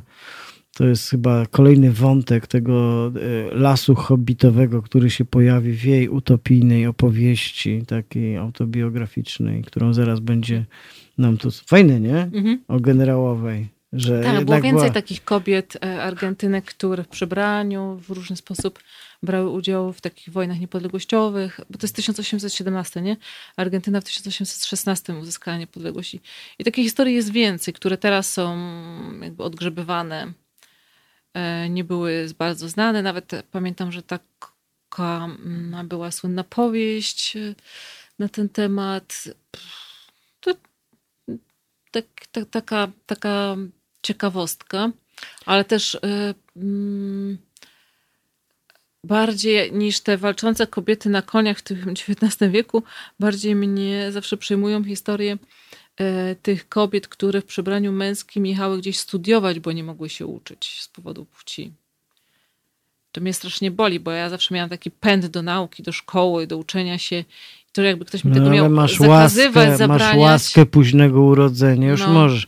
Ja często w dyskusjach Zawsze z moimi, tak boli. z moimi Jest mi przykro, że, że, że im nie pozwalano. Słuchaj, w dyskusjach, w sporach, które prowadzę z moimi studentkami, które walczą o to, Mhm. żeby nie stosować feminatywów, bo to one o to walczą, to po prostu wtedy używam takiego chamskiego argumentu. Mówię, no wiecie panie, 100 lat temu was by tu nie było. Mhm. Słowo studentka haha, nie istniało. Dlaczego? Nie miałyście prawa się uczyć. Mhm. Więc może trzeba zobaczyć tą zależność między językiem a realnym wymiarem politycznej opresji, ale też politycznych praw po prostu. Nie? I powiem ci, że czasami to jest. To, Działa? Tak, tak, czasami to działa. No. To w ogóle chyba tak z edukacją jest, że czasami działa, a, czasami przeważnie, nie działa. a przeważnie nie działa. Co? Twoje doświadczenie też jest takie? No tak. No są po prostu umysły otwarte i są umysły, których nie da się już, z którymi nie da się już nic zrobić. Jak, takie, jak taka zastana woda, gdzie ruszasz tym patykiem, a tam nic. Tylko się bełta i bełta. No tak jest, jako, jako, jako nauczyciel, A w tym y, wiesz, y, masz takie doświadczenie. Ja uczyłam też w liceum, w pewnym momencie gimnazjum kiedyś nawet uczyłam. Uczyłam też studentów i to tak właśnie są takie głowy, z którymi się da. Nawet jeśli mają inne opinie, się nie zgadzamy we wszystkim, ale przynajmniej wiesz, jest coś takiego, że, że ich otwiera, że się jakby są w stanie odbić od tego, no bo nie mogę oczekiwać i nie mam zamiaru oczekiwać, byłoby bezsensowne to i smutne, gdyby wszyscy myśleli tak samo, nie? Tylko chodzi o to, żeby mieć tą umiejętność myślenia, nie? takiego analizowania, wyciągania wniosków, słuchania Dużo- kontrargumentów. dużo oczekujesz. No, tak, w wiesz, epoce dezinformacji, gdzie się wszyscy wciąż e, pałętamy pomiędzy e, jednym fejkiem a drugim fejkiem, gdzie jest ziarno prawdy, a potem jest, e, są warianty prawdy, to rzeczywiście wymagania są już bardzo mało realne. Hmm. Zastanowiło mnie, czy w tej twojej, w tej, gdybyś miała wypełnić tą ankietę Mhm. Odena, Mhm. E, o tym właśnie miejscu takim, tak, i tym, co ci jest bliskie, jakby to, e, to jaki element Argentyny tam by się znalazł? Argentyny, w której spędziłaś mnóstwo czasu, e, której właściwie poświęciłaś książkę. Wiesz co, właśnie ja pamiętam, że po pobycie w Buenos Aires, dłuższym pobycie, byłam tam za pierwszym razem rok, to po jakichś trzech miesiącach, to przeważnie tak jest, jak się wyjeżdża do jakiegoś miejsca nowego. Czegoś ci że, zaczęło brakować? Że, że zaczynasz przeżywać pewien kryzys, taki pierwszy. E, bo najpierw jest taka, e, wiesz, ekstaza, bo, bo nowe, bo wszystko jest fantastyczne. No potem zaczynasz się zadamawiać i coś ci przestaje pasować, bo nie jest tak jak u ciebie w domu, nie? I jakby zaczynasz to odczuwać jako... Um, że coś jest złego z tą rzeczywistością, w której jesteś umieszczony, a to niekoniecznie złego coś z rzeczywistością, tylko po prostu ty jesteś przeniesiony w inne okoliczności i zaczynasz odczuwać, że jest jakaś obcość na drodze, nie? I ta obcość, ponieważ najpierw się fascynowała, ale w pewnym momencie takim praktycznym, życia codziennego, bo o tym mówię, zaczyna ci przeszkadzać, że ta mentalność powoduje, że pewne rzeczy się inaczej załatwia, że do pewnych rzeczy trzeba inaczej podchodzić i tak dalej. I musisz przełamywać różne takie swoje przyzwyczajenia. Ale po dłuższym jeszcze czasie nastąpił taki kolejny kryzys i on był związany z przestrzenią właśnie. I uświadomiłam sobie wtedy, a Buenos Aires, Buenos Aires jest tak zbudowany, że ma taką część swoją starszą i tam rzeczywiście przy porcie drzewa są, jakieś palmy i tak dalej. Natomiast potem się rozbudowywało bardzo intensywnie, to jest ogromne miasto. No i to już są betony. I tych parków, jak na tak duże miasto nie jest dużo, Warszawa jest dużo bardziej zielona, I właśnie sobie to uświadomiłam, że po prostu brakuje mi drzew, że idę ulicą, nie ma drzew, nie, jest pusto i jest tak łyso, taka, taka, taka łysa ulica, łysa perspektywa ulicy. Więc tego mi brakowało, ale co bym z Argentyny wzięła, wiesz co, kurczę, chyba zachody słońca właśnie w Buenos Aires, bo to miasto jest e, raczej białe, te budynki są białe, bo w takich, e, wiesz, miejscowościach, gdzie dużo jest słońca, to lepiej się sprawdza. Więc przeważnie są białe albo jasne, mają fasady i wiele z tych budynków ma tarasy, no bo taki klimat. I e, zachody słońca z tych tarasów nad tym miastem, nad tymi budynkami i, i tym zachodem przeważnie na taki intensywny róż, który odbija się w tych budynkach i zostawia taką poświatę, taką nierealną nad tym wszystkim, taką, taką chmurę, wiesz, e, niesamowitą coś e, nie, spotyk- nie widziałam tego w innych miejscach. Być może, przypuszczam, są takie inne miejsca, ale takie najbardziej intensywne, zachodzące na różowo, słońce odbijające się w tej bieli, to widziałam tam. Tak, te, takie zachody bym wzięła sobie, tak.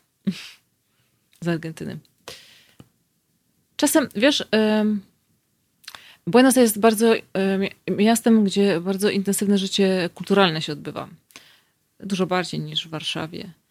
E, tam jest e, wszędzie dużo tańca i zwłaszcza takiego nurtu tańca nowoczesnego, takiego eksperymentalnego, po prostu dużo pracy z ciałem. Tego mi brakuje tutaj, że tego nie ma. Więc są rozmaite festiwale, pokazy i tak dalej. Są różne szkoły, są różne akademie i można, wiesz, sobie chodzić i, i, i oglądać. Ale te festiwale są fantastyczne, bo masz po prostu ileś dni, kiedy przyjeżdżają ludzie z całego świata i pokazują ci różne dziwne rzeczy, które z ciałem mo można zrobić. Bo to nie mówię o tańcu towarzyskim, tylko po prostu tańcu jako ekspresji.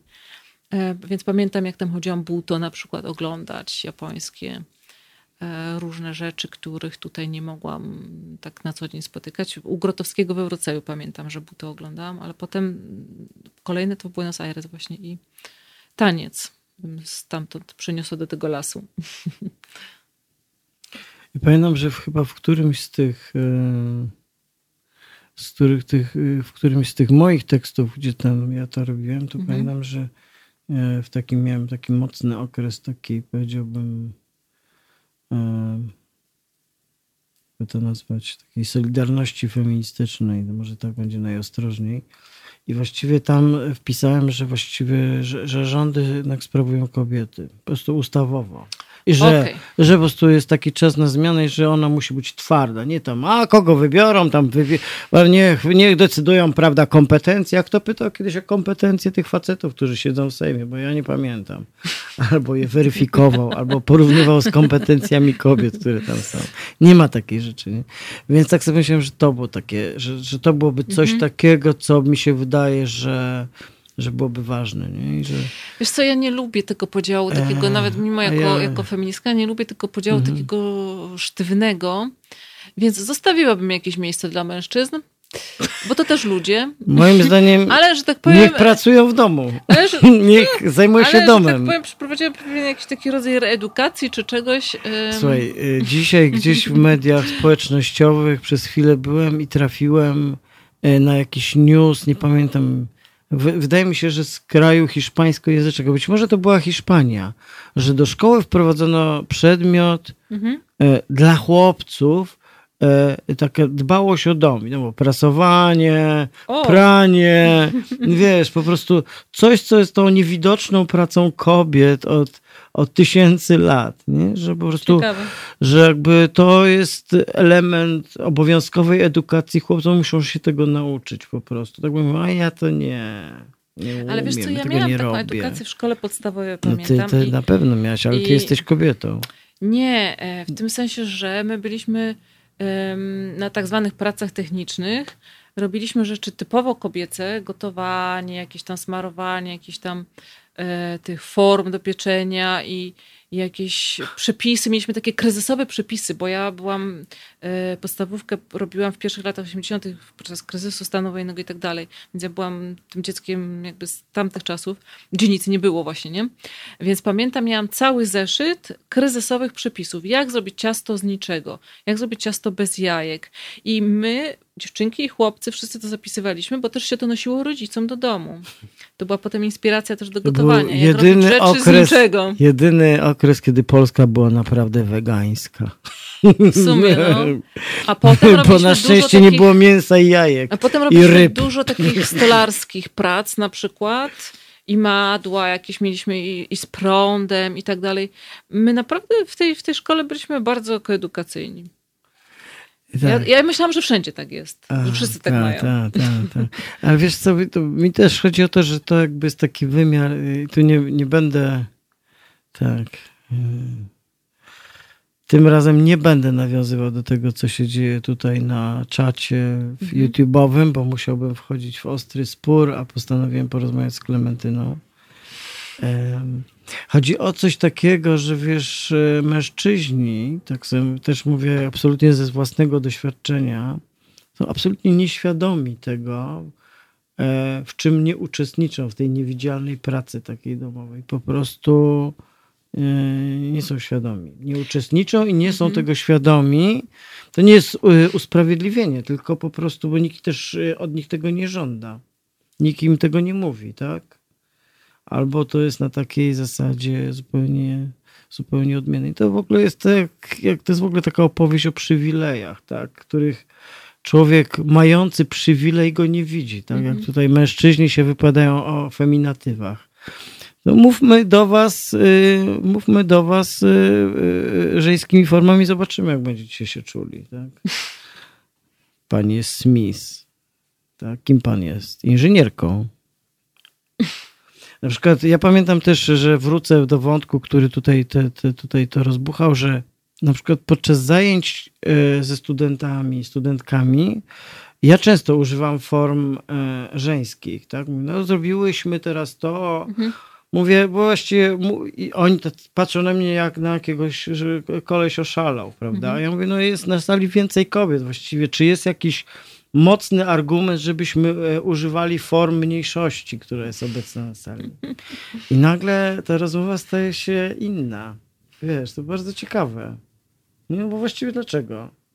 Na sali jest większość kobiet, a my używamy męskich form, że coś zrobiliśmy. No, Przeczytałeś. Wiesz co, ja to wszystko lubię, kiedy to jest właśnie płynne i nie, i nie na- narzucane. To tak samo jak z tym No podziałem dobra, właśnie to w tej twojej pracach. utopii jest policja, czy nie ma policji? E, Wiesz, to jest tak jak z tym Minneapolis po tym zabójstwie, znaczy uduszeniu Floyda. Zabójstwie, E, powst- morderstwie. mo- Policyjnym. policyjnym. e, zaczęły się pojawiać pomysły powstania takiej e, milicji obywatelskiej, e, co w Stanach sobie może brzmieć bardzo awangardowo, natomiast nam się kojarzy niezbyt MO. Ale mm, zamysłem takiej milicji ma być to, że właśnie obywatele jakby tę służbę pełnią, tak? Ale widząc tu, w tym kraju i w innych krajach, do czego policja jest używana, to jest może byłoby faktycznie lepiej jej nie mieć, niż ją mieć. No jasne, że pozostają takie typowe mm, przestępstwa klasyczne, które wymagają być może czegoś, ale może dałoby się to wymyślić w jakiś inny sposób. No. Ale... Zresztą i tak za niedługo będziemy zchipowani, wszędzie są kamery, to w zasadzie Wszystkich można wyśledzić, kto się, gdzie był, kiedy dasz się i tak ścipować? Już no się, ja nie. Już się daliśmy zchipować, bo mamy przy sobie smartfony. Jesteśmy zchipowani, czego nie jesteśmy świadomi. Ale nie, no to w moim świecie nie będzie zchipowania. No, nie będzie. Wrócimy do starych nauki. Nie, nie będzie Do świata sprzed. To jest e, to, że właściwie dzisiaj awangarda świata podziemnego, czy on jest polityczny, terrorystyczny, czy przestępczy, mhm to są ludzie, którzy właściwie żyją według pewnego ideału ekologicznego, o którym tutaj rozmawiałem z panem Waldemarem. Nie używają nigdy żadnych komórek, żadnych telefonów, żadnego internetu, no. nigdzie się nie wypowiadają, nie łączą e, i tak dalej, i tak dalej. Żadnych zdjęć. W internecie. Mamy jego ostatnie zdjęcie sprzed 30 lat. No właśnie, tak, tak, tak. Ale dzisiaj mamy programy, które z niego zrobią tak? Czy z mhm. niej, z niej. Mhm, ciekawe. To co jeszcze w tym świecie, czego nam brakuje? No wiesz, na przykład tam były, to już trochę mówiliśmy, ale na przykład o tym, czy tam coś się, e, na przykład jak wygląda praca, to jest też to pytanie, tak? Jak wygląda no, praca? Ja bym wolała, żeby było tak, że każdy robi to, co lubi, w czym jest dobry. No, nie sądzę, że to by się udało całą ludzkość tak urządzić, ponieważ przypuszczam, gdzieś, że gdzieś tak około połowy wolałaby robić nic. Mm, no ale to niech robi nic. Ja bym wolał robić nic. Ja po prostu tak tęsknię za tym. ale co, nie chciałbyś mieć audycji w radiu czasem? Ale y, chyba nie chciałbym tego traktować jak pracę, wiesz? Mhm. To znaczy, że bardzo bym chyba chciał czasem no. albo systematycznie. No właściwie to mam, tak? Bo trudno powiedzieć, że prawda, praca w Halo Radio to jest praca, prawda, zawodowo-zarobkowa. Zawodowo. Może zawodowo jest, ale zarobkowo to umówmy się. Z całym szacunkiem dla naszej cudownej firmy. Dziękuję wszystkim, którzy swoimi datkami przyczyniają się do tego, że nasze radio funkcjonuje że jest. Bardzo Państwu dziękuję. Zachęcam zresztą do dalszego wspierania Haloradia i tak dalej, i tak dalej, ale to nie to. W tym sensie jakby to jest moje olbrzymie doświadczenie moich prac, które są niezwiązane z zarabianiem, z wyboru. Ale miałeś takie, które robiłeś, bo je lubiłeś, prawda? Robiłbyś je, gdybyś mógł. Gdybyśmy mogli prowadzić pismo, które mamy na myśli od lat, wywrotowe i tak dalej, to byśmy prowadzili, prawda? Tak. No. Ale nie robimy tego. No nie robimy, bo nie mamy pieniędzy. Tak jest. Na tym to polega. Ale w moim świecie byśmy mieli. A, o. A właśnie, byłyby pieniądze? Nie, nie chodzi o pieniądze, tylko że byłaby taka możliwość, że jak ktoś po prostu chce, ma fajny pomysł, to dostaje takie okej, okay, to rób. Znaczy, okej, okay, to rób. Nikt mu nie będzie mówił okej, okay, to rób, tylko takie, że się wie, że jak się ma coś fajnego do zaoferowania światu, to się to robi i wtedy są jakieś pule środków czy czegoś. Nie mówię o realiach, bo nie interesują mnie kwestie finansowe tworzenia takiego państwa, e, ale e, to by było fajne, żeby móc robić to, co się chce. Ja na przykład, e, po pierwsze, że dużo rzeczy bym chciała jeszcze zrobić. Po drugie, ja naprawdę, jak się zabiorę, to będę je robiła tylko kurwa nie mam na to kasy, więc robię to po prostu, bo robię, ale gdybym mogła się z tego, o, znaczy w tym, w tym świecie, to, ale w naszym jakoś utrzymywać, to przecież byłoby idealne połączenie. A właściwości, które ja posiadam w sensie dostarczania jakiejś konkretnej roboty są specyficzne. Nie ma wiele takich osób, więc warto byłoby w tym świecie, w którym mamy właśnie ten ma talent taki, ten ma taki, dać im przestrzeń na realizowanie tych talentów. Talent, talent. Talent, umiejętność, Talent to słowo przereklamowane. zamiłowanie. Ty po To prostu być jesteś, różne ty motywacje. jesteś po prostu pracowita, czyli robotna, jak to powiedziałaś. Tak, robotna moja Masz babcia lubiła takie, takie słowo, tak, więc jestem z tych. Um, jeszcze babcia miała takie słowo akuratna, A pamiętam ty jesteś też. akuratna? Czasami. A, W pracy bardziej, no, a w życiu to, to ja tak. Jeszcze wracając do wątku pisma i do też naszej wspólnej zawodowej przygody, Mhm. czyli kiedy robiliśmy terrorystyczny lewacki przekrój przez parę miesięcy wspólnie, e, tak możemy powiedzieć, Z ekipą. to, to wtedy pamiętam, że opublikowaliśmy świetny tekst e, Piotra Laskowskiego o formach e, wyborów, znanych zresztą ze starożytnej Grecji, które polegają na tym, że losujemy ludzi O. sprawujących władzę. Bo Mhm. prawdę mówiąc, właściwie Wychodzi na to samo. wychodzi lepiej, wychodzi a, a, lepiej. a może wejść lepiej, bo się Wycho- trafi na kogoś sensownego Wychodzi być lepiej, może. Dlatego że dzisiaj do władzy trafiają ci, którzy chcą trafić do tak. władzy. A tam jak gdyby ten pomysł obywatelskości z, z y, ówczesnej demokracji greckiej, Mhm. która w ogóle nie była doskonała, właściwie nie była demokracją, bo wykluczała kobiety, niewolników i wszystkich, którzy nie, bywa, nie byli obywatelami Mhm. Aten, czyli tak naprawdę nie byli bogatymi Ateńczykami, e, e, to, e, to, że po prostu każdy obywatel, jakby tym, że był obywatelem, zgłaszał taki akces, że jak zostanie wylosowany, to będzie To uczciwie musi te władze sprawował. Po prostu taki jest pakiet, nie? E, I y, ja tęsknię za takim pomysłem czasem. Pamiętam, że wtedy to było takie w ogóle, e, o czym odpiszę? No nie mówię z naszego punktu widzenia, ale taki był odbiór tego Odbiorze. tekstu, Mhm. że to jest w ogóle jakieś szokujące, że tu mamy te elity polityczne, że się Mhm. przygotowują, że to są profesjonalni, tak. I że właściwie im się to należy, żeby, żeby ich nagrodzić tą władzą. A ja mówię, precz z wami wszystkimi. To jest tak jak, wiesz, na Jest przykład... to nie głupi pomysł No. i być może zaakceptowałabym go, żeby w moim świecie O, się to, znalazł. bo ja chyba... Przynajmniej jako eksperyment na jakiś czas. Bo ja zobaczyć. wydaje mi się, że do któregoś z moich tekstów, takich właśnie tych audenowsko, e, e, autoutopijnych, właśnie Dołożyłeś wpisałem, to? tak, Mhm. żeby władza pochodziła z losowania. Że, Ale to że powiem tak, wyobrażasz... że nie da się gorzej spieprzyć władzy przez taki system niż to, co mamy dzisiaj. Nie? No dobra, mamy władzę, stosunki takie. Co jeszcze byśmy potrzebowali tam? No na przykład, czy mamy na przykład fundamentalne pytanie na temat tego, czy mamy własność prywatną. Aha. No dobra, i to jest No. pytanie za trudne i na to pytanie nie, nie, odpowiemy Państwu. Kiedy Tylko indziej. ja mam e, bardzo małe umiłowanie własności prywatnej. No. Też e, niewiele posiadam, więc niewiele muszę umiłowywać. Ale mm, no posiadam głównie książki. i Książki to już bardzo chętnie bym rozdała, bo któryś raz po przeprowadzce z książkami zaczynam na nie patrzeć wrogo. a, a przynajmniej Musisz niechętnie. korzystać z cyfrowych książek. Ale nie, no lepiej z papieru się korzysta. Ale e, no, są takie małe rzeczy. O, na przykład jedyna taka rzeczywiście moja słabość w posiadaniu O, to? wiąże się z ciuchami. Czyli? Dlatego, że ja mam taką e, sentymentalną garderobę, którą przechowuję jeszcze z lat, kurczę, z liceum. I mam pewne ciuchy po prostu stamtąd, które coś mi tam przypominają i ja nie jestem w stanie ich wyrzucić.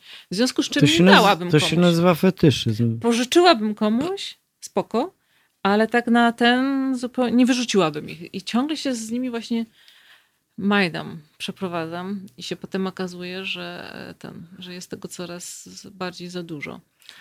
Um, Ale to tylko taka jedna słabość sentymentalna. Taki jedyny prawdziwy sentymentalizm we mnie właśnie wiąże się z ciuchami, które przyno, em, przynoszą wiesz, e, konkretne wspomnienia życiowe. Tak jak zdjęcia. Ludzie mają zdjęcia, a ja widząc, wiesz, dany ciuch, pamiętam kiedy w nim byłam, przy jakiej okazji, czy było fajnie, czy nie fajnie, czy byłam szczęśliwa, czy nieszczęśliwa. To wszystko mam zapisane w tej pamięci poprzez ciuchy. Tak. Dziwnie. I Ale tym- nie, wracając do nie, tematu własności już, bo prywatnej. skończył się nasz program, Klementyna. Nie. Już nas nie ma na antenie. nie jest to konieczny temat Nie. w moim świecie. Nie. E, Szanowni Państwo, rozmowa o utopii wyszła nam półutopijnie, półkonkretnie. E, Dzięki, e, dzięki Klementyno, że byłaś tutaj z nami No nie ma i za z co. Państwem. No, No, nie ma mam za nadzieję, że teraz nie będą Zde- się może- wszyscy ze mnie śmiali. co. Dlaczego? Szafiara na przykład. A, że, zaraz to rozpuszczę, zaraz to... Szafiara. Zamiast bibliotekarka. To się nazywa, wiesz, to jest taka, e, czekaj, jak się nazywają? Mól książkowy to jesteś mól szafowy, tak? No, Tak, sukienkowy. E, proszę Państwa, Klementyna Suchanow była rozmówczynią w drugiej części programu Utopii. E, Roman Kurkiewicz niby tutaj prowadził, zagajał, Filip realizował. Dziękujemy bardzo Filipowi za ciężką pracę w ciężkich warunkach. E, Wszystkich Państwa mm, pozdrawiamy serdecznie. Życzymy dobrej nocy czwartkowej oraz kolejnych nocy, I, dopóki są. I snów o utopiach. Bo i noce nam mogą zabrać. E, Albo I, będziemy mieć takie noce białoruskie. I Noce. ciepłych, cie, albo francuskie. Nie przypominam, że francuskie nie były gorsze od białoruskich. Nie były. ale 2018, były kiedyś, a są teraz. 2019 jakoś oburzenia wielkiego nie było. Nikt tam nie wysyłał y, polskich obserwatorów, polskich faszystów, a teraz to robimy. Życzymy Państwu dobrej nocy. Halo Radio to był czwartkowy wieczór. Roman Kurkiewicz. Do usłyszenia. Dobranoc. Halo Radio. Po co nam Halo Radio? Gdyby przez ostatnich 30 lat większość mediów nie układała się z politykami, to nie bylibyśmy potrzebni. Już dawno temu media zapomniały, że powinny być dla ludzi, a nie po to, żeby wspierać konkretnych polityków. W Halo Radiu wierzymy w etos pracy dziennikarza oraz w to, że media nie mogą opowiadać się za jakąkolwiek partią ani politykiem, ani schlebiać waszym prywatnym politycznym sympatiom. Jesteśmy od tego, żeby patrzeć politykom na ręce. Każde odpowiedzialne medium powinno mówić o politykach wyłącznie wtedy, gdy sprzeniewierzają się zasadom współżycia społecznego, prawom obywatelskim czy demokracji. Jeśli polityk pracuje dobrze, to nie mówimy o nim, bo przecież robi dokładnie to, czego od niego oczekujemy, za co mu płacimy. Nie mówi się wszak o wizycie w warsztacie, gdy auto jest sprawne, nieprawdaż? Media muszą być krytyczne wobec wszystkiego i wszystkich, taka powinna być ich rola. Drodzy Państwo, nie oczekujcie od nas, że będziemy przychylni Waszym politycznym wyborom. Będziemy natomiast mozolnie szukać dziury w całym. Po 30 latach polityczno-medialnego bagna to właśnie chcemy robić i robimy. I dlatego prosimy Was o stałe wspieranie naszej działalności www.halo.radio ukośnik SOS. Dziękujemy i życzymy dobrego odbioru Halo Radia, pierwszego medium obywatelskiego dla myślących i krytycznych Polaków.